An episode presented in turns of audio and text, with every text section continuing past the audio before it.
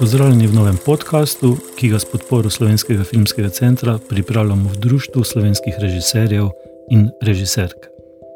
9. februarja smo na prvi javni projekciji v novi kinodvorani Akademije za gledališče, radio, film in televizijo lahko videli šest izjemnih kratkih filmov: Vdor, Babičino seksualno življenje, Sestre, Kazenski strel, Steakhouse in Poslednji dan patriarhata. Prvo pravilo: vse se začne v glavi. Zuško Džukič, Katarino Rešek, Špelo Čadež, Matežem Jermanom, Nikom Novakom in Rokom Bičkom se je pogovarjal Matjaš Ivanišin. Zdaj, mogoče čist za začetek, se mi zdi, da, so, da je vsak film nastal, se mi zdi, z nekim drugačnim razlogom ali pa vzgibom. Tak, vsaj tak vtis je, da je v bistvu pri, pri vaju najprej ta, ta prostor, ta zbirka te živali in da od tu naprej se štarta film. Pri tebi, Urška, imamo občutek, da je vse po špici sodeč, da je na začetku knjiga, a, se pravi ti anonimni intervjuji, se pravi neko dokumentarno gradivo ali pa nek dokument, zapis. Pri Katarini pa mogoče kasneje, no, ko, se, ko se pojavi, pa mogoče Mateoš Niko, vidva za začetek. Najprej bi jaz že uh, pohvalil projekcijo oziroma dvorano, ker uh, se mi zdi, da je bila čudovita projekcija, tako zvok in slika. Uh, in sem res vesel, da ta uh, dvorana je. Da, da, da v bistvu, ko gledaš nek film svoj na monitorju, pa, pa tudi oba druga sem že gledal, pa se mi zdi res uh, fantastično. Da, uh, hvala. Torej, v zgibu za nastanek filma. Um, ta zbirka um, teh živali, ki jih hrani uh, italijanska gimnazija v Kopru, ki je najstarejša zbirka v Sloveniji, je bila nek povod v bistvu. Uh, pravi povod je bila zbirka fotografij, ki beležijo uh, te podobe, ki jih je naredil Karim Šalabi, kolega iz Kopra, ki je tudi direktor fotografije pri filmu skupaj z Andražem Jeričem. In kar je bilo tu, recimo, ta nek huk. Uh, je bilo, se pravi, ta nek, uh, neka, smo iskali neko perspektivo na neke vsakdanje stvari iz nekega drug, drugačnega kota. Se pravi, uh, cel ta pristop s temi makroobjektivi, uh, nekako lahko zgradi tukaj neka vesolja v bistvu v teh, v teh podobah. In uh, mi je bilo to zanimivo, in tudi uh, sama prostost, asociativnost teh podob, se pravi, uh, neke številne možnosti interpretacije ali pa tega, kaj lahko vidimo v teh abstrakcijah, bi, bi bila pač nekako zanimivo izhodišče. Meni se zdi sjajno, da je, da je, da je film uh, prikazan v sklopu na tak način, kot je, ker se mi zdi, da je. Um, se govori o igranem filmu, se govori o dokumentarnem filmu, se govori o animiranem filmu, najbrž najmanj o eksperimentalnem filmu. Uh, mogoče čisto na kratko, Matej, ti poznaš eksperimentalni film tukaj pri nas, pa širše tudi zunaj. Uh, čist malo nam da en vtis, um, kakšna je situacija, zakaj gre pri eksperimentalnem filmu, um, kaj, je tebi, kaj je tvoje vodilo. Huh. Kompleksno vprašanje, mislim, bi se lahko o tem pogovarjali uh, zelo na široko, ampak čisto na. Vse se nam ne mudi. okay. Mislim, tako, glede na to, da, je, da smo danes na projekciji kratkih filmov, um, ki so vsaj pred nekaj časa veljali za neke vrste pankrat, mogoče zaradi tega komercialnega, mogoče mislim, uh, zaradi tega manjšega komercialnega potencijala, celo večerca, recimo, je potem eksperimentalni film uh, ohranil vse te zakonitosti produkcije kratkega filma, ampak še bolj na neki ekstremni ravni, uh, kar prinaša tudi pluse, seveda, um, omogoča to neko veliko. Svobodo uh, pri produkciji, to neko neomejenost, mogoče celo najbolj inherentno filmski kot zvrst. Uh, v tem smislu, da uh, striktno nekako to podobe in gibanje uh, vzame za lasno sredstvo, se izogiba mogoče bolj nekim literarnim ali pa uh, gledališkim elementom in tako naprej. Po drugi strani pa se mi zdi, da, da nekako um, v zadnjem času ta eksperimentalna produkcija spet nekako pri nas uh, doživlja neko tako majhno renesanso. Jaz sem fulj vesel, ko vidim, da se v zadnjih letih, recimo, fuljenih mladih avtoric in avtorjev uh, nekako spet obrača v eksperimentalni film, čeprav imamo zelo dolgo tradicijo, že od konca 50-ih, ko so Hladnik, Klopčič, um, potem Vinko Rozman, Vasko Pregel, Jana Nuša Dragan, uh, ne nazadnje Karpo, Davrin Marci in tako naprej. Uh, orali to ledino in je bila takrat scena zelo živa. In se mi zdi, da smo zdaj spet v nekem, upam, v nekem takem momentu, ko se spet uh, ta avantgardni, eksperimentalni film nekako doma neka pil med, uh, med mladimi. In recimo uh, na Feku lani sta dve od glavnih nagrad šle prav, pravzaprav eksperimentalnim uh, filmom. Tako da se mi zdi, da, da, da, da se lahko pač veselimo tega, kaj še uh, prihaja na tem področju. Zdaj, ko si rekel podoba, gibanje, pa zvok kot dva bistvena elementa ne, uh, filma, uh, glede na to, da sta vidva so režiserja uh, tega filma, na kak način sta vidva sodelovala to, ker si niko tebe poznamo uh, kot, uh, tudi kot glasbenika, a to pomeni, da si ti režiser slike, ti režiser zvoka ali to poteka na kak uh, drugačen način? Ne, nasprotno, mislim, to je že v bistvu nek četrti, peti projekt, ki ga skupaj delava, pač dopolnjujeva se. Tle je ta film šel večkrat v, v, neka, v neko stran pot, oziroma mogoče zelo zavil po svoje, pa se je pol izkazal, da v tej korona časih smo imeli en let pa pol svojega dela, ker, smo, ker pomeni, da smo imeli dovolj časa in je to šlo v nek off, pa smo se pol vračali po neko zgodbo. Pol se je pa to izčistilo do do, do, do tega, kar smo videli. Ampak še zmeraj pa to kot odprt, da dovoljuje vsakmu, recimo, da se ga interpretira po svojem. In da so nekako hotela narediti to, da, da, da, da se te podobe, ki so ne podobe, ampak pa živali, ki so ujete sto let, nekako premaknejo, ne? da se da zaživijo, kakorkoli bi lahko temu tako rekel. Urška, a, a, mogoče boš ti povedala, na kak način a, se si štartala ti se mi zdi, da je pri tebi ena tako interesantna pot, se pravi, štartamo iz nekega, recimo, temu dokumentarnega gradiva, potem pa iščeš način, s pomočjo katerega bi lahko pripovedovala to zgodbo in se odločiš za animacijo. Uh, mogoče kaj o, o tem tvojem procesu? Ja, v bistvu, ko sem to knjigo prebrala, ne, uh, mislim, ne vem, če ste brali to knjigo, je v bistvu zelo nora in uh, tako mi je nekako jasno ratal, da je to je sicer neka naša popretekla zgodovina, ampak v bistvu je pa v velikih državah oziroma koncih po svetu to neka sedanjost še vedno. Ne. In um, zaradi tega, ker pač to je samo nek um, dokumentarni material, to je pač pisana beseda, tam ni nič materijala, sem razmišljala, kako v bistvu to prenesti na film. In um, se mi je zazdel zanimivo, da bi pač to skozi neko animacijo, ne? um, ker pač jaz, mam, jaz ful rada raziskujem neke forme in sodelovanje teh različnih form med sabo. Um, in tukaj se mi je zdelo zanimivo, če bi to nekako uh, tudi vključila in s temi arhivskimi fotografijami, in potem nek prehod v animacijo, ki je neka tako bolj lahkotna, blaga pač oblika pripovedovanja, vsaj pač pri tem.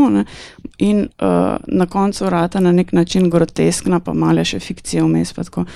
Um, v bistvu sem se odločila za ta stil zaradi tega, ker sem pač spoznala Emily, uh, to so režiserko, ki ima tak nek stil, zelo lahkoten in um, tudi mogoče zaradi tega, ker se mi zdi, da velikrat lažje nekatere, pa saj jaz, pa mogoče kar veliko ljudi na tem področju bivše Jugoslavije, lažje nekatere težke teme skozi nek humor ali pa nekaj lahkotnega v bistvu prežvečemo. Um, in sem rekla, ok, probimo na tak način. Uh, pol pa mi je bilo zelo pomembno, tudi v eni fazi sem videla, da so to v bistvu neke zgodbe, ki se ponavljajo, veš, ki so v bistvu repetitivne, pač pričevanja so. Uh, mi je bilo pomembno, da tudi na nek način probam ven stopiti iz tega pripovedovanja in um, nekako pripraviti gledalca do tega, da začuti to, kar, o čemer govorimo, v bistvu, da začuti to bolečino teh žensk, um, kako so pač uh, to preživljale. Ne? In je pač prišla ta uh, črna sekvenca ven. Kar je bilo pa tudi bolj zanimivo, ko je tam Elena Miklaučič rekla, ne, da, da veliko ljudi, uh, je, kot otroci, v bistvu poslušali to doma v temi.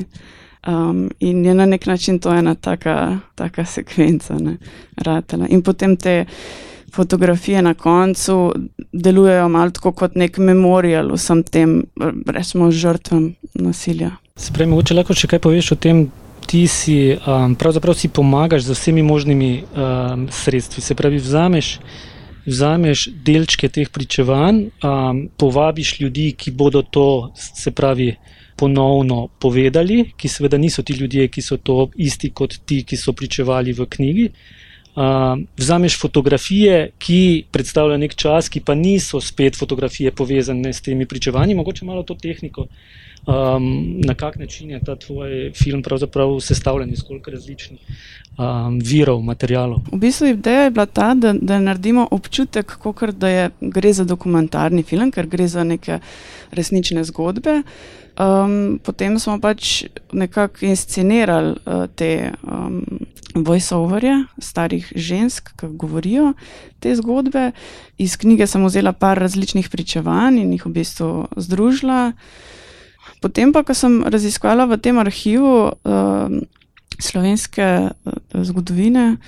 Te fotke sem v bistvu začela opažati te neke detajle, ki govorijo ne, v tej um, podrejenosti žensk.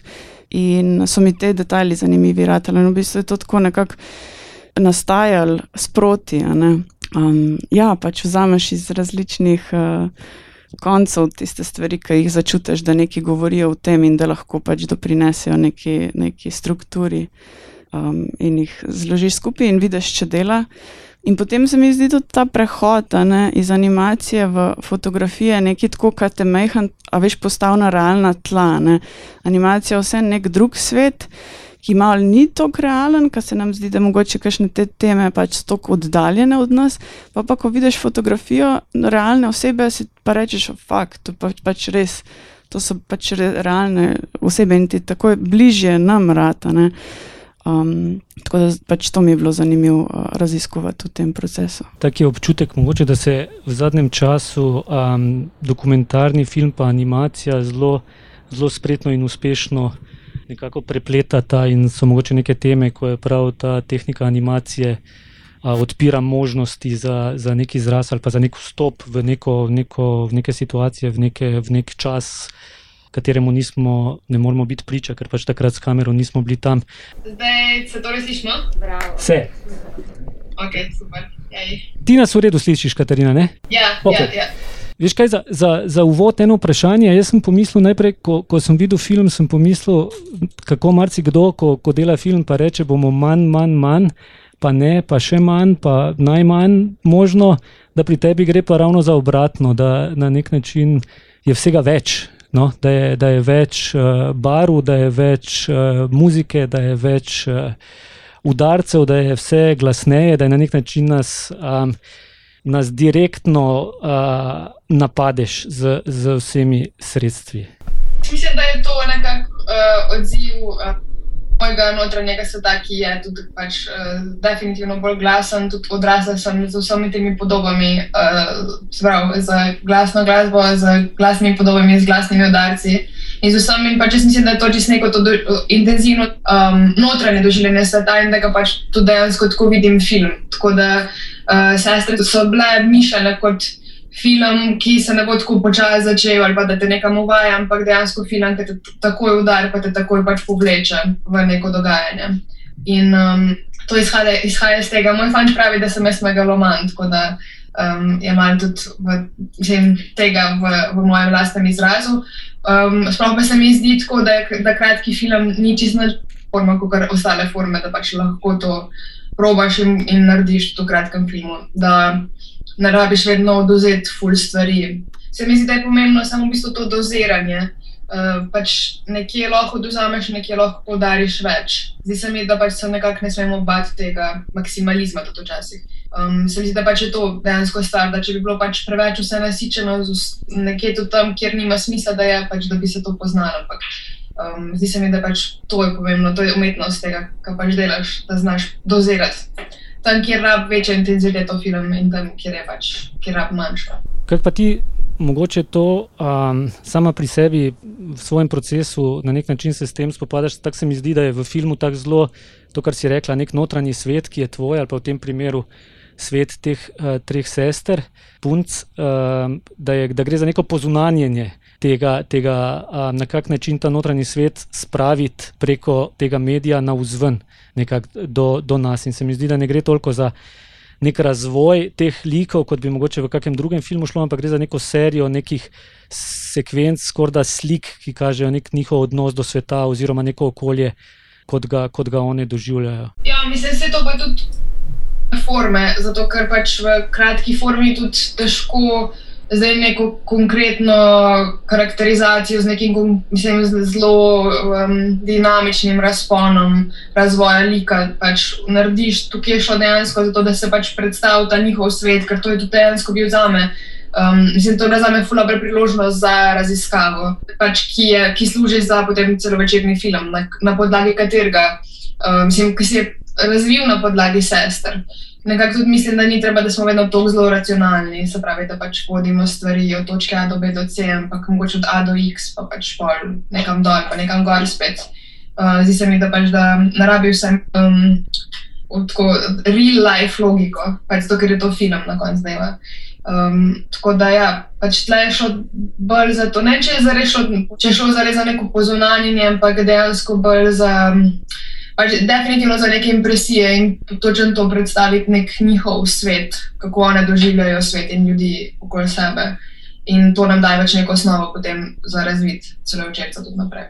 Mateoš Niko um, iz tega nadaljuje, meni se zdi. Um, ta eksperimentalna forma sama po sebi sjajna uh, in vajen film to absolutno se mi zdi, da v najboljši meri kaže, na kak način se lahko počutim jaz kot gledalec, gledam sebe preko vajenih podob, na kak način uzrem sebe, samega sebe preko teh podob. In v tem privajenem primeru se počutim absolutno nekako svobodnega, blazno mi um, ustvarita te pogoje, uh, da um, brez kakršne koli naracije, samo s temi podobami in zvokom. Uh, lahko doživim film. Se mi zdi, da to v najčistejši obliki se lahko zgodi pravzaprav prav pri eksperimentalni formi. Težko bi kaj dodal, v bistvu.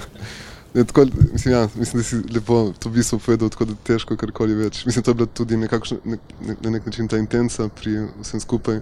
Kot je rekel, neko po dolgem uh, po dolgem času razmišljanja in poigravanja s tem so prišli na koncu do, do, do tega, kar, kar je in se in nama zdelo mogoče najbolj učinkovito in da, da ravno ta neka brezmena, mislim, neka svoboda v bistvu interpretacije spet. Um, Če, če, če nimaš nič proti, bi te mogoče kdaj citiral, uh, ko si tako lepo povedal, da, da, da lahko preko filma sebe uh, uzreš. Mogoče. Je pa ena stvar, ki je pri vseh treh filmih absolutno važna in to je zvok. Uh, se mi zdi, da uh, Um, pri vseh treh filmih je zelo, zelo, zelo um, izrazit uh, zvok. Tudi mogoče v tvojem primeru je ogromno nekih zvokov, ki jih je Tomaž Grom naredil, ki spremljajo film, ki so včasih bolj opazni, včasih manj, ampak ena zvočna.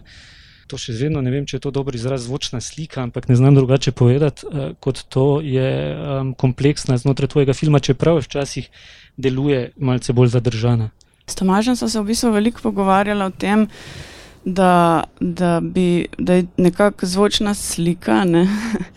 um, zvočna podoba, mogoče ali pa zvočen landscape, pokrajina, nekako združen uh, glasba in zvok, da je to v bistvu eno in isto, da ni uh, ločeno med sabo. Um, in tudi, ful so nam bile pomembne neke tišine. Um, ki pač poudarijo tiste neke težje momente. Ja, pa, pa pač sem ugotovila v eni fazi, ne, ker ta, ta črna sekvenca, ne, ki je v bistvu sam zvok, je bila mišljena prej kot neka abstraktna animacija, da gre čez. Pa, pa smo ugotovili, da čim smo ugasnili sliko, um, je bilo ful močnejše doživetje. Ne. In tudi, ko um, pa, pa sem probala razno razne stvari, mogoče nekaj čist, čist malega, uh, ki bi poudarili nekaj stvari, ampak je pa takoj prevzel um, nek polovico ali pa, vsaj, ali pa še več doživljanja zvoka, ne, če daš nekaj vizualnega. In zaradi tega smo se pa odločili, da bomo kar pač pustili črno in da je to to. In se mi zdel v bistvu ful zanimiv. Ful je, zvok je tako močno sredstvo. Um, najbrž bi lahko naredil film, če sem z zvokom, pa, pa črno vse. ja, v najnem primeru je pač tle skoraj narejen, ker ste ga uh, Simon pa Lena naredila in je pač ni ničesar drugega, ampak v bistvu je glasba skoraj pol filma. No? Mislim, ampak prav skoraj, ki, ki pač deluje na, na, na čustva. Kaj, kako vidimo, kar slišimo. Ne? Katarina, pri tebi ti si, ti si sama tudi um, opremila film, vse je v bistvu tvoje delo, sem jaz to prav videl, se pravi, celotna zvočna podoba je, je, je tvoje delo ali se tukaj motim? Ne, moje delo je pač glasba. Se pravi, jaz sem pač skladala glasbo za film, s tem, da smo uporabljali zelo veliko avtorskih pesmi, kot ste verjetno tudi opazili, ker so oni tudi nek komentar ali pa pač nek uh, označevalec nekega sveta, v katerem živimo. Uh, zvočno samo podobo, se pravi, dizajn zvoka je pa delo Boštjan Kačičnik.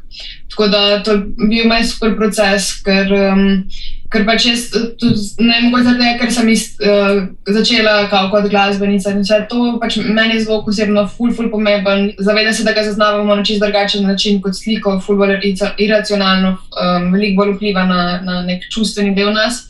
Uh, in pač v bistvu tle je bilo tudi zanimivo um, ta odločitev, da, da med sestrami na glušnji je tudi prišla iz tega, ker sem pač imela neko izkušnjo, um, ker sem snemala neko uh, ekskurzijo pač na, na gluhih uh, mladostnikov in sem videla, da oni pač dejansko ta zvok je neka, nek defensivni mehanizem za njih, oziroma to izklapljanje iz tega zvoka pač uh, vsakdanjega sveta.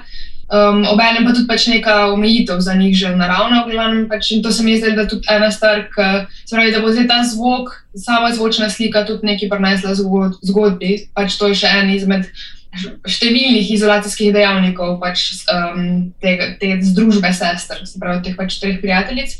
Uh, tako da smo v bistvu temu ful intenzivno delali. Se pravi, že kako če zgodbo to implementirati, ko se nekdo hoče odklopiti, kaj se zgodi takrat v zvoku. Um, pa tudi pač v bistvu pol vse, mislim, jaz mislim, tak, da je zvok ima veliko bolj aktivno vlogo v filmu, mislim, se to vsi vemo kot pa da je samo, pa tudi sama glasba, kot da je samo nek pač atmosferski dejavnik, ampak je tako še nek dodatni karakter v filmu, da se pravi dodatni lik. Um, pač nek, nek politični komentar, sociološki komentar, um, pač zelo, zelo aktiven. Mislim, vidim ga kot zelo aktiv, aktiven element filma. Tako da je bilo delo na zvočni podlagi za me ful, ful intenzivno in dolgo in tudi ful pomembno. Um, pač sej, tako se vidite da je nek, nekakšen hibrid med nekim filmom in videospotom v bistvu. Film. Pri tebi se zdi, kot da je tema mogoče stoji v začetku. A je mogoče to nek začetni impuls za, za sploh za ta film ali je s čim, s čim si štartala. Mislim, je najprej tema, pa potem rečeš, kje se mi ta tema kaže v tem okolju, pa potem začneš snovati uh, te slike, te sekvence, ali kaj je ta začetek tvoj. Ne vem, za res v bistvu um, meni je rekla producentka, s katero so naredili sestre, s katero tudi delamo na celovečernem filmu Fantasy, da sem jaz, uh, da vse, kar sem želela narediti, delam za fantasy. Se pravi, da, zato ker pač ta, ta dejansko zgodba je prišla iz zgodbe za en video spot uh, ki se je zgodil ful pred sestrami. Tako da ne vem, pač nekako nosim to zgodbo skozi in jo hočem nekako razviti. In pa v bistvu mm, ne vem, zares kaj je prišel prvo, zato ker res ogromno delam na tem zvočnem polju, že izven filma, pa tudi pač v spotih in vse to skupaj. Tako da ne vem, jaz mislim, da pač to je nekako takrat, ko sem postila nek ta nezavedni tok, da gre, takrat so takrat so se začele prikazovati slike, ampak moram zdaj reči, a je glasba sprožil za to, ali je v bistvu ta tema, zgodba, ali nekako šlo vse z roko v roki. Plus, da mm, mislim, je pa ta glasba definitivno, recimo, pač ta glasba, ki je uporabljena v filmu, je full velik nek kulturni element, mislim, element pop kulture, ki pač zelo označuje eno. Eno pač obdobje in neko mentaliteto za tem, in tudi neko odnos do žensk, žensk samih do sebe, uh, pač čez to glasbo. Tako da ne vem, to je bil definitivno en full velik element, ki je zelo vplival na film. Zdaj pa ne morem pa reči, kaj pa za res ta sprožilni moment. Urška, veš, kaj me zanima zdaj? A, ne vem, ali si ti imela prej kakšne čisto izkušnje v animaciji, v tehniki, na kak način sta vedve pravzaprav sodelovali. Tako si zelo si hitro lahko predstavljam, ali pa mi je bolj domač. Nek, nek način uh, dela v dokumentarnem ali pa igranem filmu, pri animaciji si pa toliko težje predstavljam, na kak način se uh, se, se pelje ta proces, na kak način uh, si dejansko uh, režirala ta film? Jaz sem začela, ko sem začela študirati, sem v bistvu začela nekako z animacijo in me to ful zanimalo.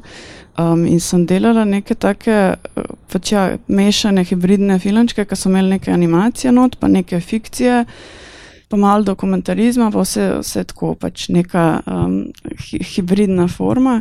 Um, in me je vedno to zanimalo, sam sem zelo malo ugotovila, da jaz nimam tega potrpljenja, da bi full dolg časa sedela in risala eno, eno stvar. Ne? Ampak pač zelo, mi je pa to zelo všeč. In sem vedno začela uh, sodelovati z drugimi animatorji, ki so v bistvu. Um, pač dal se z nekim svojim stilom, dodal, dodelal pač ta nek moj, moj idejni scenaristični del. In tukaj z Emily smo pa v bistvu delali tako, najprej so tudi neke skice delali, jaz sem zbrala njo zaradi tega njenega stila, ki mi je bil všeč. In potem sva uh, pač skupaj sva delali animatik, jaz sem pač nekaj skicirala in sem v bistvu po njenem stilu. Um, ampak pač pa so se pogovarjali, kakšni bodo karakteri izgledali, kako se bodo premikali. In tako sem pač, da jaz zares nisem animator, ne? in je pač ona tukaj prevzela ta del, kako točno izvesti to. Um, mi da se mogoče še bolj pogovarjali o teh nekih em, emocijah, oziroma kakšen feeling naj bo pri kakšni sceni in kaj se tam zgodi. Um, tako nekako so delali. Pa sem pa, pa, pa bila tam v Franciji štiri mesece, no, v eni rezidenci, full super rezidenci, taki fini pogoji so tam za delo v Franciji, kjer imajo dosti sredstev in zelo cenijo kulturo in film. Um, In um, je bilo res noro, pač čarobno, ko prideš v en tak plac, kjer pač vsi, ene pet ekip naenkrat lahko dela celo svoje animirane filme. Um, in je bilo super. Katarina, eno vprašanje. To se pravi, ti nadaljuješ tole temo uh, v celo večerno formo, razvijaš. To pomeni, da je ta kratki film pravzaprav del procesa še vedno raziskave, ali se ga da v bistvu si ga pravzaprav čisto, ga doživljaš kot čisto ločeno. Ločeno, samostojno celoto. Ne, ta film je tako, pravim, zelo angliščini stand-alone film. Ne vem, kako se to je samostojen film, ni to zdaj neka um, zelo vezana nota za, na to raziskavo. Pač to je v bistvu bolj osebno za me, bila neka raziskava pa za pač neko to kreativno najožjo ekipo. Um, je pa pač to za me ogrom, bila ogromna priložnost za tako vsak film, ki ga narediš ogromno naučiš, tam pač je pa ta razlika, da jaz to temo želim še naprej raziskovati, da imam pač še ful ene globine, ki jo hočem pač predelati čisto. Zmeraj se mi zdi sjajno, ko nekdo reče, da je to raziskava za celo večerni film, me tako pograbi ena želja, da bi prav nasprotno smer šel, da bi najprej naredil celo večerni film, pa bi rekel, to je moja raziskava za kratki film ali pa v tem primeru za video spot celo. Dajte mi celo večerca, ker bom zdaj raziskoval, da bom na koncu prišel do najmanjšega dela, tak me pograbi neka uh, sila. Ko bom naredila video spot za Kanye West, bom rekla, da je vse, kar sem naredila do tega trenutka, bila raziskava za to. Velja, važi, si bomo zapomnili to, slišali smo vsi. Kratka forma ti vedno omogoča, mislim, da lahko tudi v dolgi formi raziskuješ neke stvari, ampak super je, če si lahko v vsakem spotu sprovam en element, ki ga hočem tudi sprobati v filmu ali pa ga hočem pokazati. Pa vem, da bo to neka moja prva šansa z nekimi, upam, da ne omejenimi sredstvi. Se pravi, če imam prej priložnost, da lahko nekako to implementiram v zgodbo, pa je tako vsak izmed nas ima neko svojo avtorsko zgodbo, pač govori nekaj, ki so del tvojega opusa, uh, se zdi, da pač se nekako ujemajo v celoto, da je to pač super stvar, da imamo pač kratke forme. Ampak, valjda pa za vsako kratko formo pa želiš nekaj pač povedati. To, mislim, da imamo vsi neko to spoštovanje do, pač se je film, je film na koncu. Ne več, če je ena minuta dolg ali pa pač 140 ali pa 300 minut dolg film, film je film. Um, in pač vedno je zaključena neka celota, da stremiš temu, ampak je pa to super priložnost, da lahko spoznaš neke stvari, ki jih pač na dolgi formi žal. Še eno vprašanje, mogoče za, za, za vajen film. Uh, koliko, je pa, koliko je pa vama bilo, recimo, koliko ste se ukvarjali s tem, koliko vam je bilo pomembno, recimo, da na začetku nas upeljete, naznačite, nas povedete v film, recimo z napisom, ki nas ki nam da ta, ta okvir. Ali je to bilo kdaj vprašanje, ali to na začetku, ne na začetku, ali ga sploh imeti, ali ga ne imeti, koliko je, koliko je to, ali je to od začetka že jasna stvar. Da... Mislim, je, je bilo kar kompleksno, po dolgo časa je, je trajalo, da smo prišli do te odločitve. Uh, Vsekakor pa je to neko značevalec, ki vpliva na, na dojemanje gledanja filma, ampak um, ja, na koncu dneva so se odločili, da je bolje, da vemo, kaj gledamo, in da potem uh, lahko se tukaj odpirajo prostori, kot da jih na koncu zapremo. Uh, se pravi, če bi recimo na koncu dali ta napis ali kakorkoli, ali pa na pogovoru potem razložili, zakaj se gre, se mi zdi, da je ta pristop ta, ki od, odpira. Ki odpira, ne pa da bi na koncu mi rekli, da to si zdaj gledal, v bistvu pa si se vmes lovil. Ok, pa um, to so bili, uh, se pravi, to je bil prvi polčas s tem um, sodniškim podaljškom, ki je bil ta pogovor. Uh, zdaj je, zdaj je pol cajt pauza, uh, pol ure. Bi pa rekel, ne pobegni domov, zaradi tega, ker to je absolutno teh šest filmov predstavlja celoto, tako da bi bilo škoda, če bi, če bi na pol tekme šli.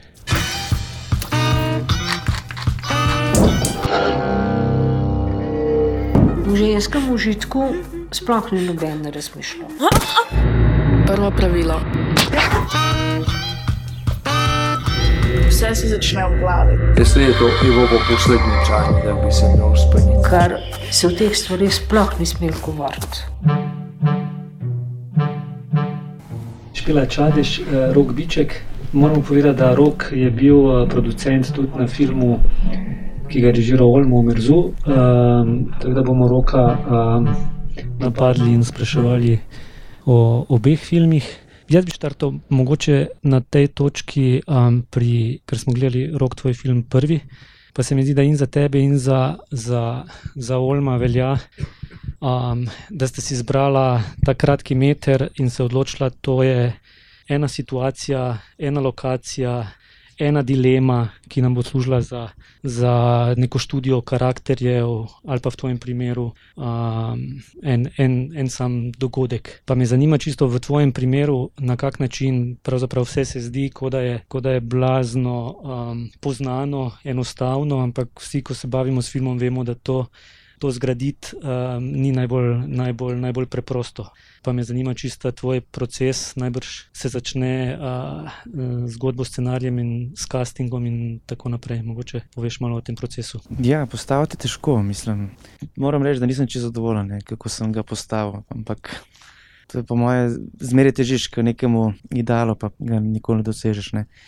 Uh, mislim, ne bi zdaj rekla, jamro, sem malo nam je svarilo časa, da bi lahko malo bolj razdelali same postavitve um, kamer in tega. Ne. Tako da v bistvu zelo bazične pozicije. Ima. Jaz se takoj tukaj te prekinjam in se vključujem. Daj malo več povej. Uh, se pravi, da, zdaj, da imamo na voljo malo več časa, to, kar ti je zmanjkalo. Um, ja. Kje so te kamere? Ne, mislim, imamo vse, vsi videl film, ne, pač tri, tri kotnik imamo, ne, tri te osnovne pozicije in to je to. Zdaj, V teoriji je bila neka želja to bolj razdeliti, uh, tudi malo več improvizirati, ampak uh, na, glede na čas, ki smo ga imeli, smo lahko naredili samo pač te tri pozicije, pa pač v, v kosih delali ponovitve prizora, oziroma tako, kot smo se pač razdelili. Ne. Jaz sem si tako rekel, če, če bodo igralci zdržali, potem bomo tudi mi prenesli te malo bolj okorne postavitve. Ne. Ker če bi pa zdaj šli mi delati. Uh, Več postavitev, pa igravci ne bi prenesli tega, kar so, bi bilo pa še slabše. Tako da pač nek kompromis je tukaj prisoten, ko moram reči, da, me, da mi je pač žal, no, da, da nismo stisnili pač ta en dan več, ki, za katerega sem pač mislil, da ga bomo imeli, pa ga pa na koncu ni bilo. Ne. Drugače pa sam proces je bil mogoče malo bolj dolgotrajen uh, in bogat v času priprav, ker smo vzeli to kot študijo za celovečerni film. In, um, smo po celotnem Medžimurju uh, iskali na turčke uh, za vse vloge iz celovečernega filma, in potem te, ki so nam pa ustrezali za kratek film, smo jih pa seveda tukaj uporabljali. Ker da bi naredili tak, tako obsežen casting za kratek film, si z budžetom kratkega filma ne bi mogli prvoščiti. Če si pogledal v špici, imamo praktično vse kulturne domove v Medžimurju v zahvale, ker smo bili praktično v vsaki vasi.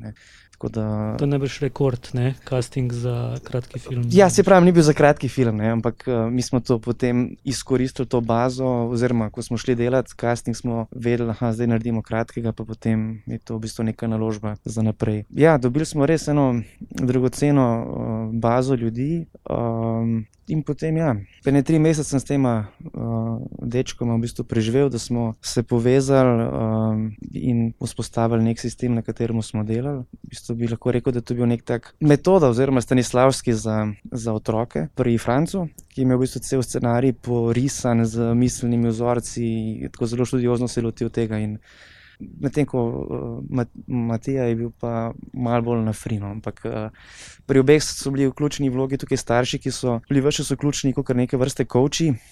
Um, in so bili na teh vajah tudi prisotni, ker smo skupaj z njihovo pomočjo, da, da lahko detektirali neke probleme ali pa lahko rečemo tudi potlačena čustva ali pa tudi travme, mogoče pri pr Francu, ne, ki so potem um, služile kot trigger oziroma kot pač metodi to gre uh, za sprožilce določene določene emocije v trenutku, ko to igralec rapne. Um, tako da to mi je bilo v bistvu prvič taka izkušnja, da sem na tak način delal, sploh pa tako z, z tako mehkimi otroci, ampak se je obnesla, se mi zdi. No. Zdaj, če imaš še več časa na razpolago, greš lahko to še še globje v to. Ampak, uh, dokler se mi zdi dragoceno za naprej, je pač vedenje, da se to da na tak način z njimi delati. Um, ker priznam, da sem bil precej presran, ko sem šel v to, ker nisem vedel, ali se da to narediti, ali se ne da narediti na način, kot sem hotel. Mislim, vsake si porečeš, z otroci več ne bomo, ne? ker je življenje pol lažje, ampak neke take zgodbe prihajajo zmeraj znova na, na plan. Ne? Ti si že parkrat padel na tem izpitu. Ne? Ja, zmeraj znova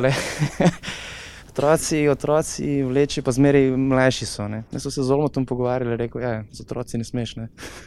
ja, čeprav, recimo, to, to, to sem hotel vprašati, ti si v bistvu zdaj delal z, z toliko starimi, v bistvu so, da si v bistvu kastal po vseh domovih, imel. Um, da rečem, ljudi, ki nimajo izkušnje, nujno s kamero, ki niso igravci, ki, ki si jih uspel v svoj film uh, pripeljati. Recimo Olmo, pa smo videli pri njemu tudi recimo, in v Mladi noči, in v, v Zimskih muhah, da, da je delal tudi s toliko starimi, ampak recimo zdaj, kasneje, ali pa v svojih uh, teh ostalih celovečernih filmih, pa predvsem tudi z igravci. Ne. Se mi zdi mogoče, da, da pri Olmo ena, ena stvar se mi zdi, no tak na prvi vtis, kot da, da so vsi elementi pri njemu na nek način, bi rekel, skoraj usklajeni na istem nekem nivoju. Naj si gre za, za igralce, casting, kostume, scenografijo, kamero, montažo. Nekako imaš občutek, da je vse nekako na, na, istem, na istem nivoju. Um, ne vem, mogoče ti lahko poveš kaj o tem, na kak način on zbira ekipo, dela z igralci. Um, vse tak je vtis uh, moj, da ni nekih ni nekih šibkih, uh, šibkih členov. No. Ja, žal nisem bil še na nobenem njegovem setu. Ne. Uh, vem veliko uh, teh nekih zakulisnih uh, stvari, ampak uh, nisem pa še bil. Pri pr patriarhatu, ja, ne vem, meni je to je najljubših kratkih. Takrat, ko je to naredil, pa pokazal, že ko zgodbo mi povedal, sem rekel, da je itak, če ne bo on naredil, da me bo mesto kradlo, pa rekel, ne, ne skrb, jaz to že. Že delal, ne? ker to v bistvu se je zgodilo njegovemu prijatelju. Uh, ta zgodba in on mi to, ne vem, teden zatem, mi bil v Ljubljani, so bili napivani, to takrat če nekdo to delil z mano in pol je že začel pisati, ne? tako da je šlo to dosti hitro naprej. A je recimo naslov, se pravi poslednji dan patriarhata, je to naslov, ki je od začetka obstajal v tem filmu ali je to v nekem procesu? Rekl Olmo, čakaj, kako bi pravzaprav pa nekako točno zadeli ta film, pa je rekel, bam, to bo. Ne, naslov. naslov je prišel čist na konc.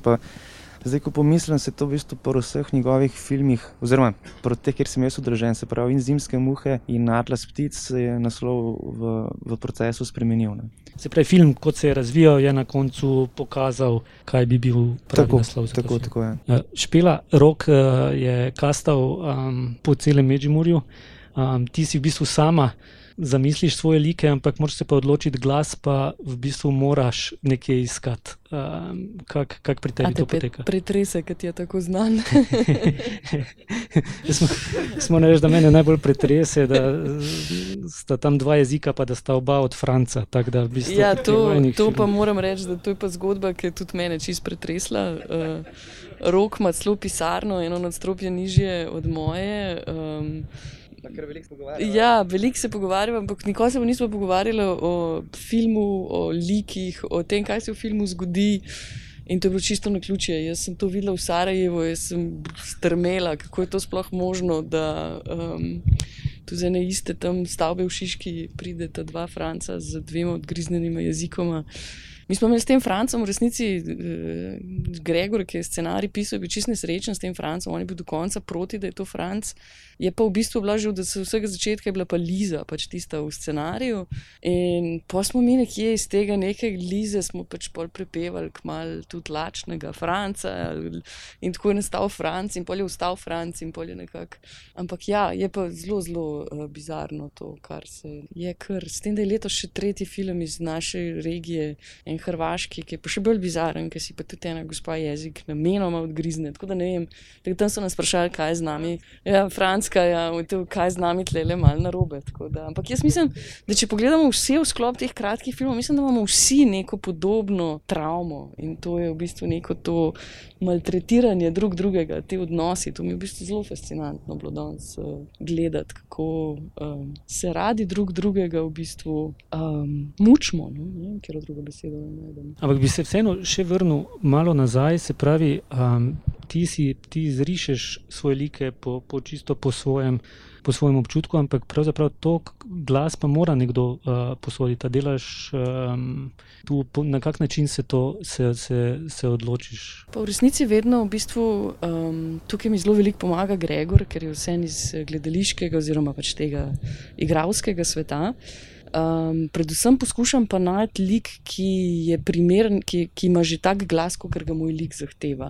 V bistvu, če vedno, kadar smo poskušali nekemu igralcu dati nekaj, kar mu ni naravno, um, je bilo sicer upam, da Marko ta ni tlepa, da ne bo rekel, da smo v bistvu zbrali najbolj zoprn glas iz uh, slovenske uh, bere, ampak um, tako pač malo v bistvu temu, da se jim ni treba nič delati. V bistvu, povejo besedilo in je že to dovolj. In v bistvu to vedno najlepše in najbolj naravno, potem tudi izpade. Veš, kaj me še zanima? Rok je rekel, da si je želel ali pa da mu je žal, da niso mogli malo več časa posvetiti improvizaciji. Um, zdaj v tvojem primeru, pri tebi, uh, si težko predstavljamo, glede na to, da praviš, da si s svojim kratkim filmom, že da ga narediš, da si več let skupaj in to moraš kasneje povedati, kako hranjaš uh, ta fokus, da te ne odnese kamorkoli stran ne pozabiti tega povedati kasneje, ampak zdaj najprej pa, pa povej, kako je to um, pri animiranem filmu. Koliko sploh lahko ti, ker ti moraš za vsako.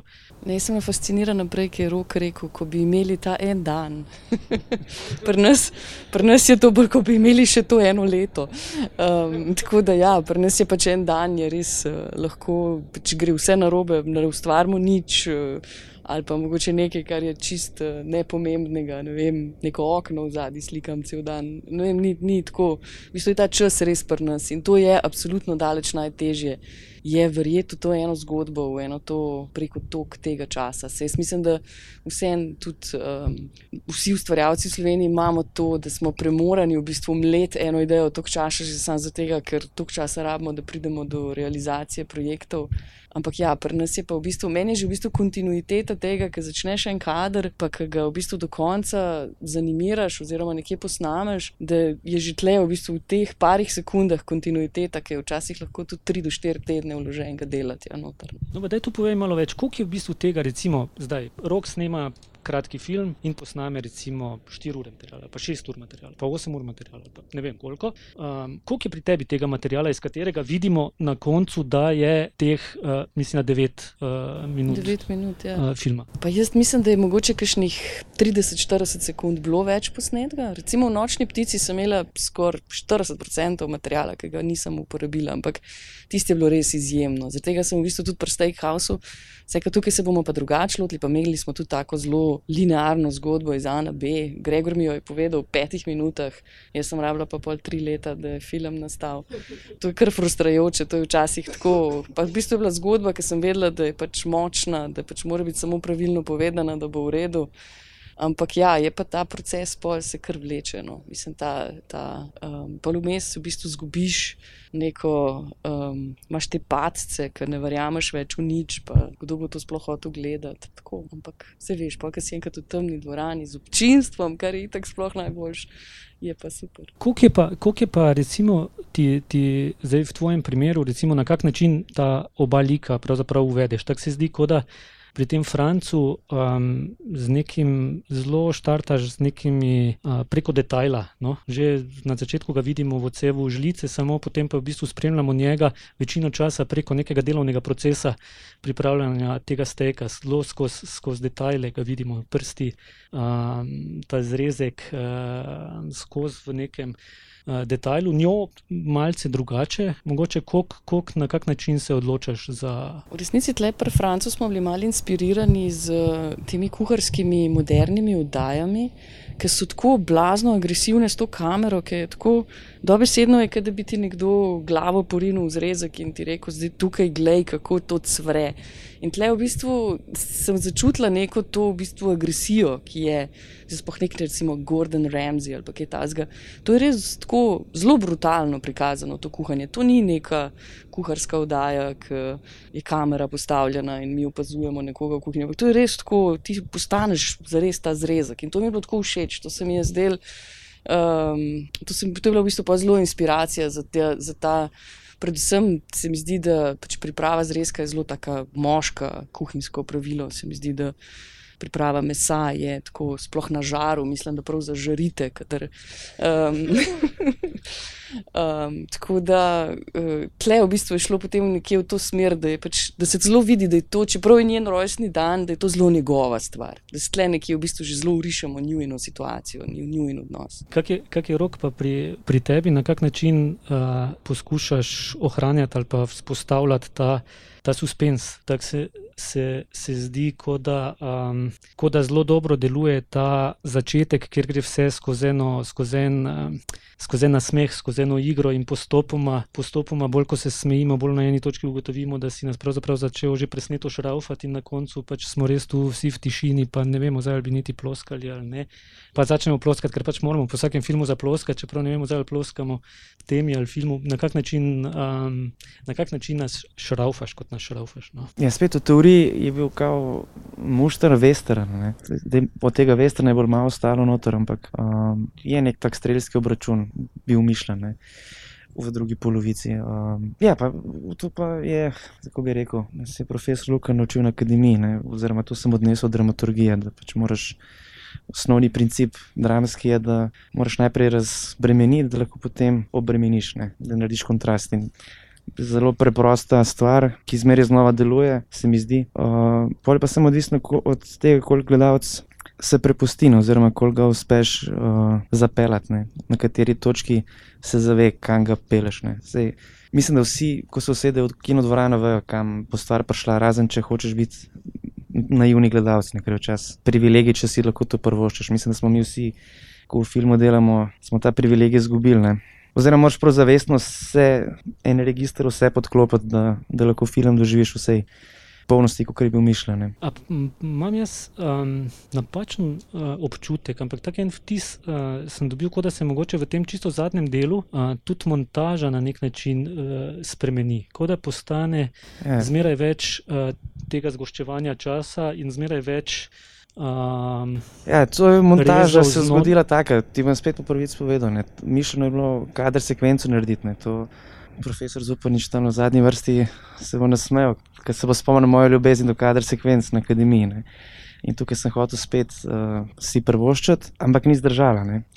Uh, pa super, da ni zdržala, ker se mi zdi, da potem z tem zgoščevanjem časa dobi zgodba uh, čist nekaj drugega. Ne. Uh, tako da sem pol užival, ko sem radikalno te jumpkate uh, pretegnil noter. Um, se mi zdi, da so v bistvu, da so tiste točke, ko se začnejo jumpkati pojavljati, da se zgodba itak uh, preves v en drug register in da to vse pripomore k, k temu. To je pa če ne mogoče še do kamere skočil, pa pogledal, kako čas teče, mi je pa tudi všeč, kaj je v bistvu direktor fotografije naredil, ker pa v bistvu se v tej, te pol ure, ko se v bistvu zgodba zgodi, če rečemo nekaj pol urce, praktično cel dan mine. Ne? To je v bistvu od, od nekega dopodneva do sončnega zahoda se zgodi v, v tem realnem času, ne? v 15 minutah v filmu, ki naj bi nekih 30 minut uh, realnih.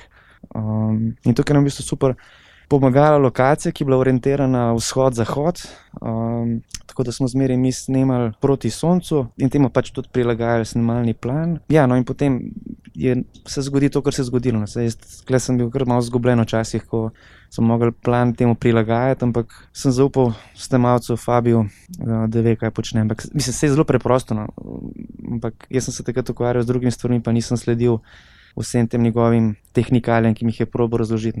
Špila, mogoče se vrnem uh, uh, k tebi. Se pravi, uh, rekla si, um, da je zgodbo ti povedal Gregor, uh, Gregor Zorc. Um, on je povedal zgolj zgodbo, iz katere si ti potem v bistvu naredila neke vrste scenarij, ali začela na podlagi te zgodbe preprosto samo um, skicirati, risati. Um, je tu, tu obstaja kdaj kakšna forma, čisto forma scenarija, ali je preprosto zgodba, ki je, ki je ta, iz katere štartaš. V... v resnici jaz sem vedela, oziroma pač v bistvu vedno začenjava tako, da se jaz odločim za temo, ki me zanima, ker sem pa jaz tista, ki on počasih po za celo leto pozabi, da jaz kaj uh, počnem. Um, tako da v bistvu mora biti tema tista, s katero se jaz želim v resnici soočiti. In pa si v bistvu v tej smeri, in pol pride ta razpis ven, in pol moraš reči, joj, Gregor, do takrat moramo nekaj oddati. Um, to, to je včasih fino imeti, včasih bi bilo pa super, da bi jih bilo kaj več na leto, mislim pa, da sem Nataša Bučer že šla. Um, ampak, um, in pol pač, če veš tisto, ker ni več za položnice, rečem, da zdaj mora nekaj v tem napisati. In tle je res v bistvu on uh, zelo um, iz, um, ja, zelo v bistvu skoval to zgodbo, ki pač mislim, da je res pač nekaj. Pač meni je bilo samo skozi strah, pa še vedno me je, vsakič, ko gledam film, je strah, da um, napačno razumemo, oziroma da njo narobe razumemo, oziroma da ne razumemo, zakaj bi ona kaj takega storila tudi dobim včasih malce še tak feedback, čeprav zelo redko. Um, tako da ja, ampak le je bilo pa skozi v tem, kako v tem kratkem času pokazati, da je to neko, nek odnos, ki že zelo dolgo ne funkcionira več, ne pa samo to popovdne, kjer se je pač zalomila ta. Um, tudi ta rojsten dan je prišel veliko kasneje, to je bilo tudi iz enega. Um, mislim, v resnici zelo velikrat, predvsem Gregor, zelo veliko črpa iz uh, dogodkov, ki so uh, se zgodili meni, njemu, prijateljem. Tako da to je vedno malo pol snovanje te realnosti v nove zgodbe. Pa tudi vemo, da si en pripovedovalec. Da, um, ja, ja, ja, jaz mislim, da, samo... da, da bi ga mogli spodbujati, da bi še kaj več pisal. Um, sam je težko je biti vse v enem. Recimo, da, da grem bolj, uh, še bolj konkretno, mogoče noter. Uh, se pravi, Gregor je povedal zgodbo, ampak recimo tu v filmu vidimo na eni točki, ko se stvar začne med njima odvijati, je noter polno dima od tega zažganega. Zažganega steka. Je ta dim to, kar je dodala Špila Čadež, potem ko je to zgodbo razvijala, ali je ta dim že ti Gregor orisal? Najbrž je to tvoja. tvoja uh... Ne, ne, sem vedno ta vizualni, pa vedno iščem v bistvu, tako kot je bilo v nočni ptici, meni zelo ljuba ta pijana cesta je tudi ta dim prevzel ta nek moment, kjer v bistvu ja, v, v zvoki, zvok in slika da to v bistvu veliko več, kot bi povedal z nekim pripovedovanjem, dialogom ali karkoli. No. Tako da v bistvu je bilo tega dima v, v prvotnem mišljeno zelo malo, oziroma ne tok, pa pa ker smo enkrat to začeli snemati, pa predvsem enostavno je bilo tudi animirati, ker v resnici se zgodi bolj v gledalčevi glavi, kot se res na platnu, ker se zgodi s tem, ker se v resnici samo neke silhuete malo premikajo, v bistvu je pa zvok zelo natančno določen, kaj se dogaja. Je v bistvu gledalec tisti, ki doda vse tisto, kar se naj bi se v mogli zgodilo. Da, vem, moja, to je moja daleč najljubša uh, scena. Če smo rekli, da je v bistvu koliko časa preživiš, recimo, rok ti si rekel, koliko je bilo snemalnih dni? Štir pa pol. Ne? Pri tebi v bistvu je film nastajal. Um... Dve leti. No? Da smo od um, polja imeli pa še eno leto teh koronskih zabav, ampak to, te, tega ne štejemo. Ampak v resnici dve leti od tistega, da smo prijavili, pa da smo v bistvu zaključili z vsem. Ampak to, to, to postprodukcijo smo res vlekli, ker smo imeli koprodukcijo z dvema državama in to je bilo pol kar boleče, ker vsakeč, ko smo se zmenili bi kaj naprej naredili, so se spet države zaprle.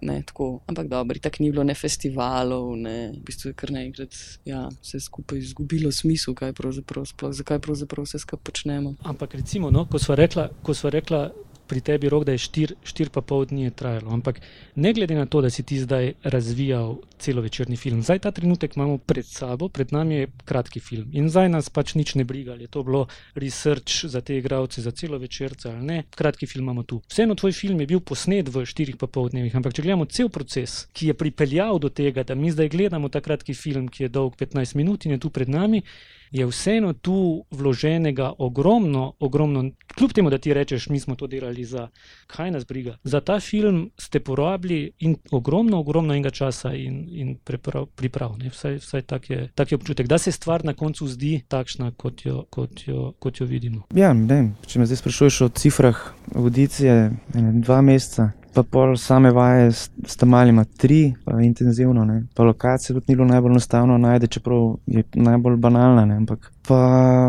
Ja. Hočem reči, da ni nujno, nujno, da je to nekdo dela več vaj z igravci, nekdo manj vaj, ampak niso samo vaje tiste, kjer je pač tvoja, kjer se rojeva. rojeva uh, ja, pa mislim tudi sama, sama zgodba. Ne.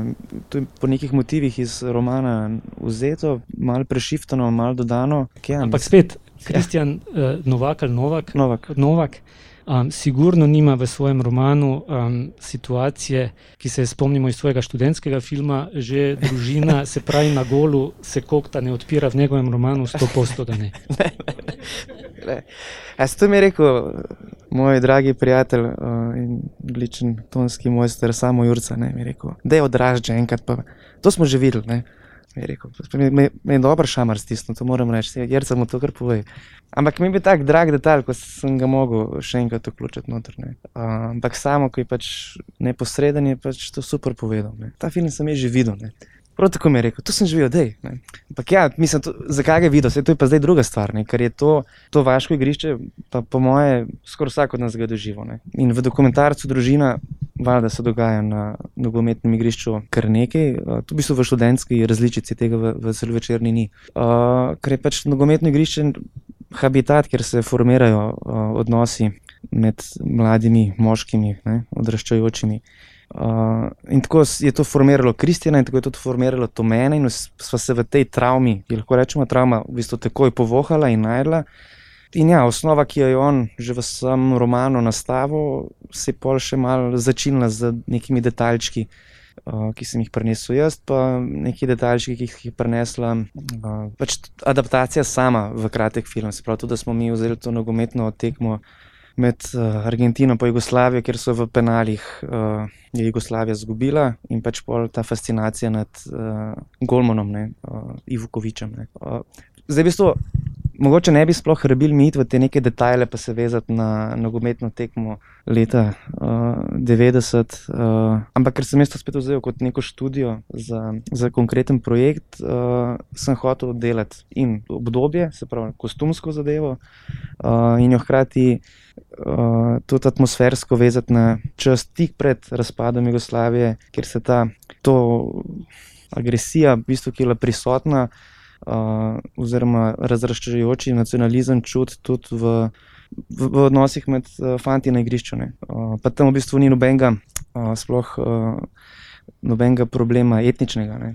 Uh, Medžimure, vemo, kje leži in tudi fanti v filmu, mislim, nimajo tega problema, da so neki tukaj na relaciji. Srbija ali pa Hrvatija. Uh, Spravo so se med sabo se uh, tokli čisti iz, ja, iz te uh, preproste zlobe človeške. Uh, tako da bi so to tudi okoličine, ki so dodale še en kup elementov, ki jih ni bilo uh, v samem romanu, ali pa jih nismo mogli črpati iz nekih osebnih izkušenj. Ampak uh, ja, sem vesel, da si to kokto omenil. Um, bom zdaj še Julija, kot tam sedi v, v sredini, tudi omenil. On mi je pa tudi dal eno na to, kako to vezano komentar. Um, zgodi se v zvoku. Ne? Uh, in sicer, ko pridejo te fanti starejši in uh, odpirajo svoje perovske flaše, ne? jih jih tako odprejo na golo, ampak mi tega ne vidimo. Če si pozoren, slišiš. Uh, in mi je rekel, pol, enkrat, ko so le sredi miksa, rekel, zdaj štekam šele. Ne? Zakaj imaš tisto? Mislim, če ste prav zdaj citirali, če sem na roju povedal, Juli, kar ti interveneri. Mislim, da je to svobodno interpretirano. Da je zdaj poštekal, zakaj je ta kohta tukaj, ne? ker v bistvu je to simbol tega, kako v bistvu kopirata uh, od malih fanti velike, hvala na pomoč. Sam da pač na, na mestu pera zlato roga ima ta kokto, ne? ampak gesta je pa ista. Ne? In tukaj vse ta potreba potem, da bi bila ona tudi velika, sprejeta in malo da fanti pa to izkoristijo. Um, Za svojo igro. To, ko si prej govoril o zgodovinskem nekem, neki poziciji ali pa okvirju, ki si mu sledil, kar se mi zdi v bistvu super, res dobro znotraj, znotraj filma, da uspeta neki pozicijo zgodovinsko absolutno presegati. Že da mi gledamo kostume, ki so del nekega časa, poskušajo biti umeščeni v nek čas ampak za trenutek nimam občutka, da bi to bilo del samo nekega preteklika. Ampak gledam čisto, kar se mi najlepše zdi pri, pri teh temah, ki so postavljene, recimo nazaj, da jih gledam, kot da so ta trenutek pred mano. Najslabše se mi zdi, ko se zgodi, da bi nekdo takoj hoče pokazati neki, neki radio iz leta, točno tega, pa tega, vse ostalo je pa kilavo. Ne? To bi naj zagotavljalo, da je film, da je film umeščen v nek čas. Ant se mi zdi, da tu za trenutek nimamo, nimamo tega, tega občutka. Ja, sej, bom še to rekel, no, da lahko bi posneli ta film to, da se dogaja danes, uh, v, v tem trenutku, tukaj in zdaj. Ker bi v marsičem stvar olajšalo, ampak um, to sem jaz kot sep nek dodaten izziv dodal. In nevezano na to sem pa vedel, pač, kaj je point. Ne. Niso bili point kostumi, a pa rekviziti. Um, tako da mogoče tudi zaradi tega se ne zgodi to, da bi mi zdaj na silo kazali neke muzejske eksponate. Ne. Se mi zdi tu dobra primerjava med Olmotovim filmom in tvojim. Da ti imaš to dvorišče, imaš mlade ljudi, kjer je vse, se mi zdi zelo, zelo glasno, zelo bučno, mislim, vse je drama na nek način. Ne? Cel, cel čas je zelo registr gor, skozi je dretje, skozi je, skozi je akcija. Recimo Olmo po drugi strani ima nek svet odraslih, kjer je vse zelo uh, nekako pridušeno, pritajeno, situacija je tudi taka, ampak vsi so zelo, zelo, zelo previdni. Zelo nekak... Situaciji primerno. ja, mislim, ne, zdaj, ko so parolmo tomu filmu. Jaz sem že v Rožju rekel, no, ko sem tudi ga zastopal, ko ga ni bilo, meni je najbolj fascinantno ravno to, delo, ko ga jaz nisem v celoti upravil, ne se pravi eh, pozicije kamere oziroma povezava med režijskim in snimalskim sektorjem. Ne, ne. Se zdi, kako je ta film postavljen, ne bom rekel zrežiran, ker v bistvu govorim zdaj o postavitvah, ki da tudi del to režije. Uh, to se mi zdi en, en nov nivo, no, mislim, v, v našem prostoru. No, to si upam reči. Um, tako da, ja, moram iti malo uh, pošpet na naslednjo snemanje njegovo. to sem že rekel. Da, ja, sem velik fan tega filma. Kako vprašanje mogoče na tej točki? Jaz imam eno vprašanje. Uh, Špilo. Uh, naredila film Boles, ki je v bistvu stop motion, ki me spomin na vara. Medtem, ki pa tvoj pol naslednji, pa zdaj ta, pa vmeš še uh, ta uh, napovednik za Orange is the New Black, ki je tudi stop motion. Kako se odločiš, pa zakaj si spremenila tehniko, ali je to samo začasno, ali to čutiš kot neko svojo avtorsko evolucijo. Kaj pa vem, um, v bistvu sem se ljudk malo naveličala, pri ljudkah si v resnici hitro omejen. Zelo, in v resnici, kar mene pri tej tehniki je zabavno, ravno to, da, um, da se lahko igraš s prostorom, tako kot smo se igrali s to cesto, s tem se mi zdi, da tle je še veliko, veliko za raziskati, kam lahko v bistvu uh, zelo hitro lahko zatresemo ta, ker ni realni prostor, ker je naslikan prostor, se lahko hitro v neko domišljijsko ali pa fantazijsko ali pa, pa vem, sanski svet zapelje. In to je mi v bistvu tisto, kar me vedno bolj zanima. No. Uh, ful bi rada imela pogum, pa naredila eksperimentalni film, sem še, še, še ga še nimam. Jaz bi se mogoče samo navezal na prvo vprašanje. V bistvu, vprašanje uh, o naslovih, uh, ker, ker se mi zdi pač precej generalno, pa za, za oba v bistvu. Uh, naslov je lahko neka ful velika nadgradnja filmov, stok pri kratkih filmih, se pravi z izbiro naslova ful, mogoče še nek drugačen kontekst ali pa še neko novo informacijo dodamo, mogoče pri Olmotu je še najbolj izrazito.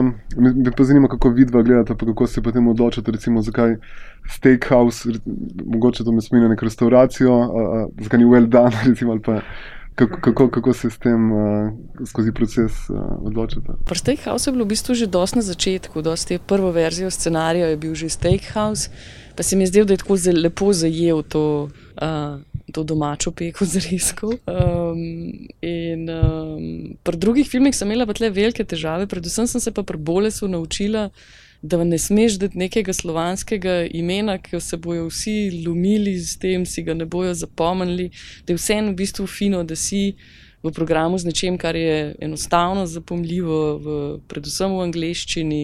Tako da tukaj v bistvu nekje vedno razmišljam, mislim, da je to. Je pa seveda to nek tak, ne, ena taka krona filmu, se mi zdi, tako da je pomemben. No. Ja, jaz se nisem boljšega spomnil, mislim ni idealen, to moram reči. Mislim, res je na prvo žogo, mislim, da je bilo zmanjkalo energije, pol pa naslovu. S temi naslovi je ena reč. Vse sami po sebi se nam lahko zdijo boljši ali pa slabši. Sam imam vedno situacijo sam pri sebi, da če se spomnim nekega filma, ki mi je bil sjajen, ki mi je bil odličen, ne more mi biti naslov slab. Nemogoče je, da bi mi bil naslov tega filma slab. Kakršen koli že ta naslov je. To je nemogoče, vsaj meni se to ne more zgoditi. Mislim, ne vem, kjerkoli film pogledam, ko mi je dober film, naslov mi ne more biti slab. Zdaj slab film, ko mi je, to pa mi je vse za naslov. Dobro, to, ko gledaš katalog, kaj bi šel gledati, razumem. Ampak, ko film enkrat pogledam, pa če mi je film dober, naslov mi je še bolj dober. če bi bil špel in vel dan, ne, bi se rekel, sama se hvali, ne bom zdaj. Sam jaz se ti pa to tako, kot izbira otrokovega imena, ne, ki si bil pred kratkim v tej poziciji. Se mi zdi, da si, predno imaš to ime, se ti zdi, da joj, uničil bom življenje s tistim. Pa pa kaj enkrat tam, je pa tam, je pa to to, a ni tako. Tako isto s filmom, pa z naslovom. Pač tisto, kar si izbral, pa moraš tisto za tistim stati. Še kako vprašanje? Rob, tole, ki ste snemali, to je bilo mišljen, da gre noter v celovečerni film, čistko neodvisno od tega. Test, tako kot zdaj vsi to delamo, ne? kukla tako dela, mislim, naredila. Vsi nekaj flikamo. Jaz ne. Ja. To je že že na začetku tvoja slika zelo mehka. Zakaj je ta odločitev? Ok, razumem, da tam, ko on zažge stek, da je dim, kaj pa ta začetek, zakaj je ta odločitev? V resnici pri tej tehniki je tako ena tako smešna um, nerodnost, da v bistvu so to dvodimenzionalne slike, ampak sprejemamo, pa, sprejemamo pa trodimenzionalni prostor, ker so različno oddaljene od kamere. Pa včasih nastane en tak grob rob, ki pa v bistvu bi moral iti malo neostrino. In zaradi tega jaz uporabljam zelo različne stvari, ampak vedno dam direkt pod kamero, tam tako ne 10 cm pod kamero. Jaz rečem, da je beauty folija. Včasih je najlepša una, ki je kar sam mapca od uh, računov. Pa, in v bistvu tista naredi to neko malenkost, mehko sliko. Je to tem... fizično narejeno. Ja, to je sam ma mapca v zunji. Včasih tudi v bistvu tam, kjer hočem imeti strino, pa mogoče tako lukenco zrežem, pa je tam ostro, vse ostalo gre pa v mehkovo. Marsikaj sem že probal. To so te stari kamer, uh, triki. Um, pa mogoče sem pri tem filmu malo pretiravala, uh, pa sem se zavedla, da to še kar malo prepozno. Uh, pa se mi je pa zdelo, da v bistvu mi je pa fino, ker nekje se nekje kaj ne take mal. Ne vem, nek tak spomin, uh, uh, nek traumatičen spomin je tudi vedno malo mal zasanjan, in pa se mi je zdelo, mogoče pa bo to v redu. Ampak ja, je, je prišlo malo iz tega, malo tehniko rešiti, malo pa v bistvu tudi. Um, ja. Vsakič se čudimo, ko narediš svojo animacijo, in vsakič je čist nekaj novega in originalnega. In pustimo, da uporabljaš tehnike, ki jih je morda že kdo prej, ki jih nadgrajuješ in uporabljaš v smeri svoje pripovedi. Kot da bi te prosil, najbrž v imenu še koga, da naslednjič en orang making of posnameš, da bomo malo videli, kako to itak te ne bo noben šel ponašati, ker to traja tri leta. Vse nek making of smo tokrat celo se spravili na res, čeprav making of je ful težko delati v tem, ravno v tem, ker vedno, kadar se zmenaš, delaš nekaj tako dolgočasnega. Ko pride poluna snemalna ekipa, pa pravi, pa se vi sam tlele zdaj barvate te senčke cel dan, kaj naj jaz tukaj snemam. Ne? Tako da v bistvu bi mogla imeti človeka, ki bi prišel vsake toliko posnet. Pa, mislim, tako res je težko ta making. Pa jaz v bistvu nimam sploh volje. Ne, ne, ne. Ja, ja. Najboljši razpis za making of je narediti. Ja.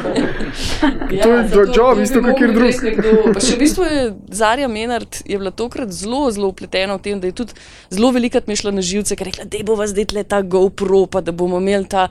Je bilo pa, da je pusti to, koga to zanima, se pa če veš, važno je, da film naredimo, itak zamujamo. Um, ampak ja, obstaja, no, sej, uh, če mi ga uspe celo enkrat zmontirati, pa pol, mogoče tudi kdaj pokazati. ampak lepo, da ste odprli vprašanja, ful sem vesela, ne? to je res lepo, ker prej je bilo mal. Uh, Se noč nismo upali vprašati. Če smo morali iti na pivo, zdaj pa ne. Jaz sem še eno vprašanje glede Olmotovega filma, ko smo zdaj rekli, kako ta kratki meter je na nek način ne, neka raziskava, proba ali pa da nekaj lahko malo pokažeš, prepričaš. Kaj pri njemu je bilo to podobno, tudi je to za Atlas ptic, kakršne koli veze, ali je on na neki točki zaznal tu v, v okolici, v družbi neke, neke, neke teme, ko je rekel, to, bom, to bi se rad tega lotil, pa kratki meter je. Je prava stvar, da bi, da bi to obdelal. Ni bil čist direkten test, ampak uh, na nek način je pa tudi bil, no, mislim, kako se zdaj to hecno sliši. Uh, ker film v bistvu ima ta neko presečno točko. To zdaj uh, v distribucijo gre Atlas Ptic 6. aprila in se bo vrtel skupaj z Patriarhatom. V, kot predfilm, ne, uh, v paketu bosta. Mislim, da je Olmo predvsem testiral ne toliko uh, samo temo, čeprav sta si tematsko tudi podobna, uh, kot v bistvu ta, to, kar sem že prej izpostavil. Uh, nov način postavljanja mizne scene. To, kar v bistvu, če pogledaš tega, se od njegovih predhodnih v bistvu najbolj razlikuje. Ne. Tukaj je on naredil pač ta korak v neko novo smer. Ko mislim, da pol aparata so ptice, ni toliko do, do, do, do tera, kot je v patriarhatu, ampak zdaj bomo videli, kaj bo v, v tem novem filmu, uh, nehvaležno biti je naslov. Ki ga zdaj pripravlja. Ampak, ko jaz sem seznanjen s tem, kar ga zanima, intimno, v bistvu to, kar je v patriarhatu, estetsko, iti v tej smeri naprej. Ne. Na to sem se hotel navezati. Jaz sicer nisem videl filma Atlas Ptica, ampak sem videl samo trailer. In se mi zdi, da kamera tam na nek podoben način se, se giba, poskuša nekako. Predtem nisem videl tega v njegovih filmih. Je kamera bila nekako bolj fiksna, bolj statična, tukaj pa zdaj, da nekako malo, malo, malo plava, ali pa neki zumi se pojavljajo, taki mičkeni uh, noter. Dovolj si, ne, oziroma precej svobode tukaj, uh, ker v bistvu kombinira in statiko, in, in stedikem, in kamero iz roke in neke čist uh, nepričakovane pozicije. Ne. Uh, meni je to všeč, no, da ni neka uniformirana uh, struktura. Ne. Ti, kako je špela pri tebi, možno, um, kar se tiče kamere, kakšne so, kak so tu opcije, kar se tiče. Um, teh, tako, tako zdaj se pogovarjamo, stedike, li, kamera iz roke, uh, statična kamera. Kaj je sploh to v, v polju animacije? Ja, moja kamera je tam na fotoaparatu. Jaz si tako s fotoaparatom delam, je tam pri miru in jaz v bistvu vse, kar premikam, premikam celotno mizo. Kamere, mislim, ja, kamero mogoče, če gor pa dol sem nekega zuma, itak ne delam, tega, ker tudi če bi jaz fokus animirala, imam napačne objektive in bi pač naredil tisti grdi zoom. Tako da um, v bistvu je moja kamera zelo, zelo statična, ampak um, me pa v bistvu vedno bolj zanima s to tehniko. Čim bolj premikati sliko, v bistvu se, ker ravno s tem dobi v bistvu nek smisel, ta, ta nivojski postavljanje teh stvari, ker če kamero premikamo, pa v bistvu nekako zaznamo ta prostor še bolj. Ne. Da tukaj, tukaj vem, da imam še kar prostora za napredek. No. Čeprav smo kar nekaj stvari um, zdaj, pač to kamero, probali malo premakniti, ker doskrat pri animaciji pač tako zelo rečeš, ok, zdaj imamo to narisano, kam, na kamero in tako pozabiš. Ne. Um, je pa v bistvu zelo, zelo pomemben člen pripovedi. No. Si ti dobila tole zadevo, vem, s televizijo, tole si jo dobila ti kompletno s kamero in z optiko, 6 mm. Ne, ne, ne, ne. tisto. Samo, Jaz sem uh, dobila sam, ja, ja. pa tako imam fotoaparat gor, ki je uh, tako ene 130 kg lažji od tiste kamere, za katero je predvideno stojalo. Ampak, okay, uh, ti se zaprogramirati. Uh, Da ti gre gor pa dol. Tisto pa v bistvu jaz kar sama delam. Ja, mi v bistvu si kar mal, se to, to je zelo sicer uh, smešno, ker si v bistvu na une kroge, si na kartonček narišemo, v bistvu spoh te easy in pa easy out. To je, to je zelo tako, mislim, to, to se mi zelo smejimo, ker to. Um, pa v bistvu spoh, kadar je treba premakniti recimo tri vsi, ne. Uh, kako zdaj, kjer kolešček, da en ne prehiti drugega, pa imajo drugo na vojno os, ker v bistvu uh, ta kamera v resnici ima, ima ful debelejšo to na vojno osko, ker ima recimo levo, desno in pol moš zračunati, oziroma treba zelo velik testov narediti, da pol v bistvu nekje vidiš kako. Ampak v resnici ugotavljamo, da brka kamero premikaš, lepše nekako padeš v ta svet noter. Da, tukaj mislim, da imamo res še malo prostora za napredek. No. Ker Burnik je imel to stvar kar tako, da je lahko šel tudi malo stran ne, in mu je. Uh, povzela sama. Ja, oni so imeli prav nek tak motorček, tudi, ampak tudi zato, ker so v bistvu tako snemali, ne, k, da, da niso niti rabili. Pa vem, da to so imeli kar zelo, zelo, to je tudi cela matematična, ena taka, imam še uno ploščo, ki je bila potem nekako tako krivulja zarisana in potem si tiste koleščka to vrtel, da so bila nekje na uni krivulji. Ja. Jaz ponovadi začnem peti uno pesem od une uh, nadaljevanke, kaj je bila ta zbod, tisti, ki te to vrti. Tako, nek, tako nekako se začnem počutiti v neki temni sobi s tistimi koleščki. Nič, pa naj bo to to. Jaz, uh... Ne vem, če je kakšna zaključna misel. Jaz mislim, da je bilo šest filmov, um, da smo videli, kakšna je forma uh, kratkega filma, slovenskega, slovenskih avtorjev. Mislim, da ti teh šest filmov to, to na en lep način pokaže. No? Um. Naj živi kratki film, jaz pravim.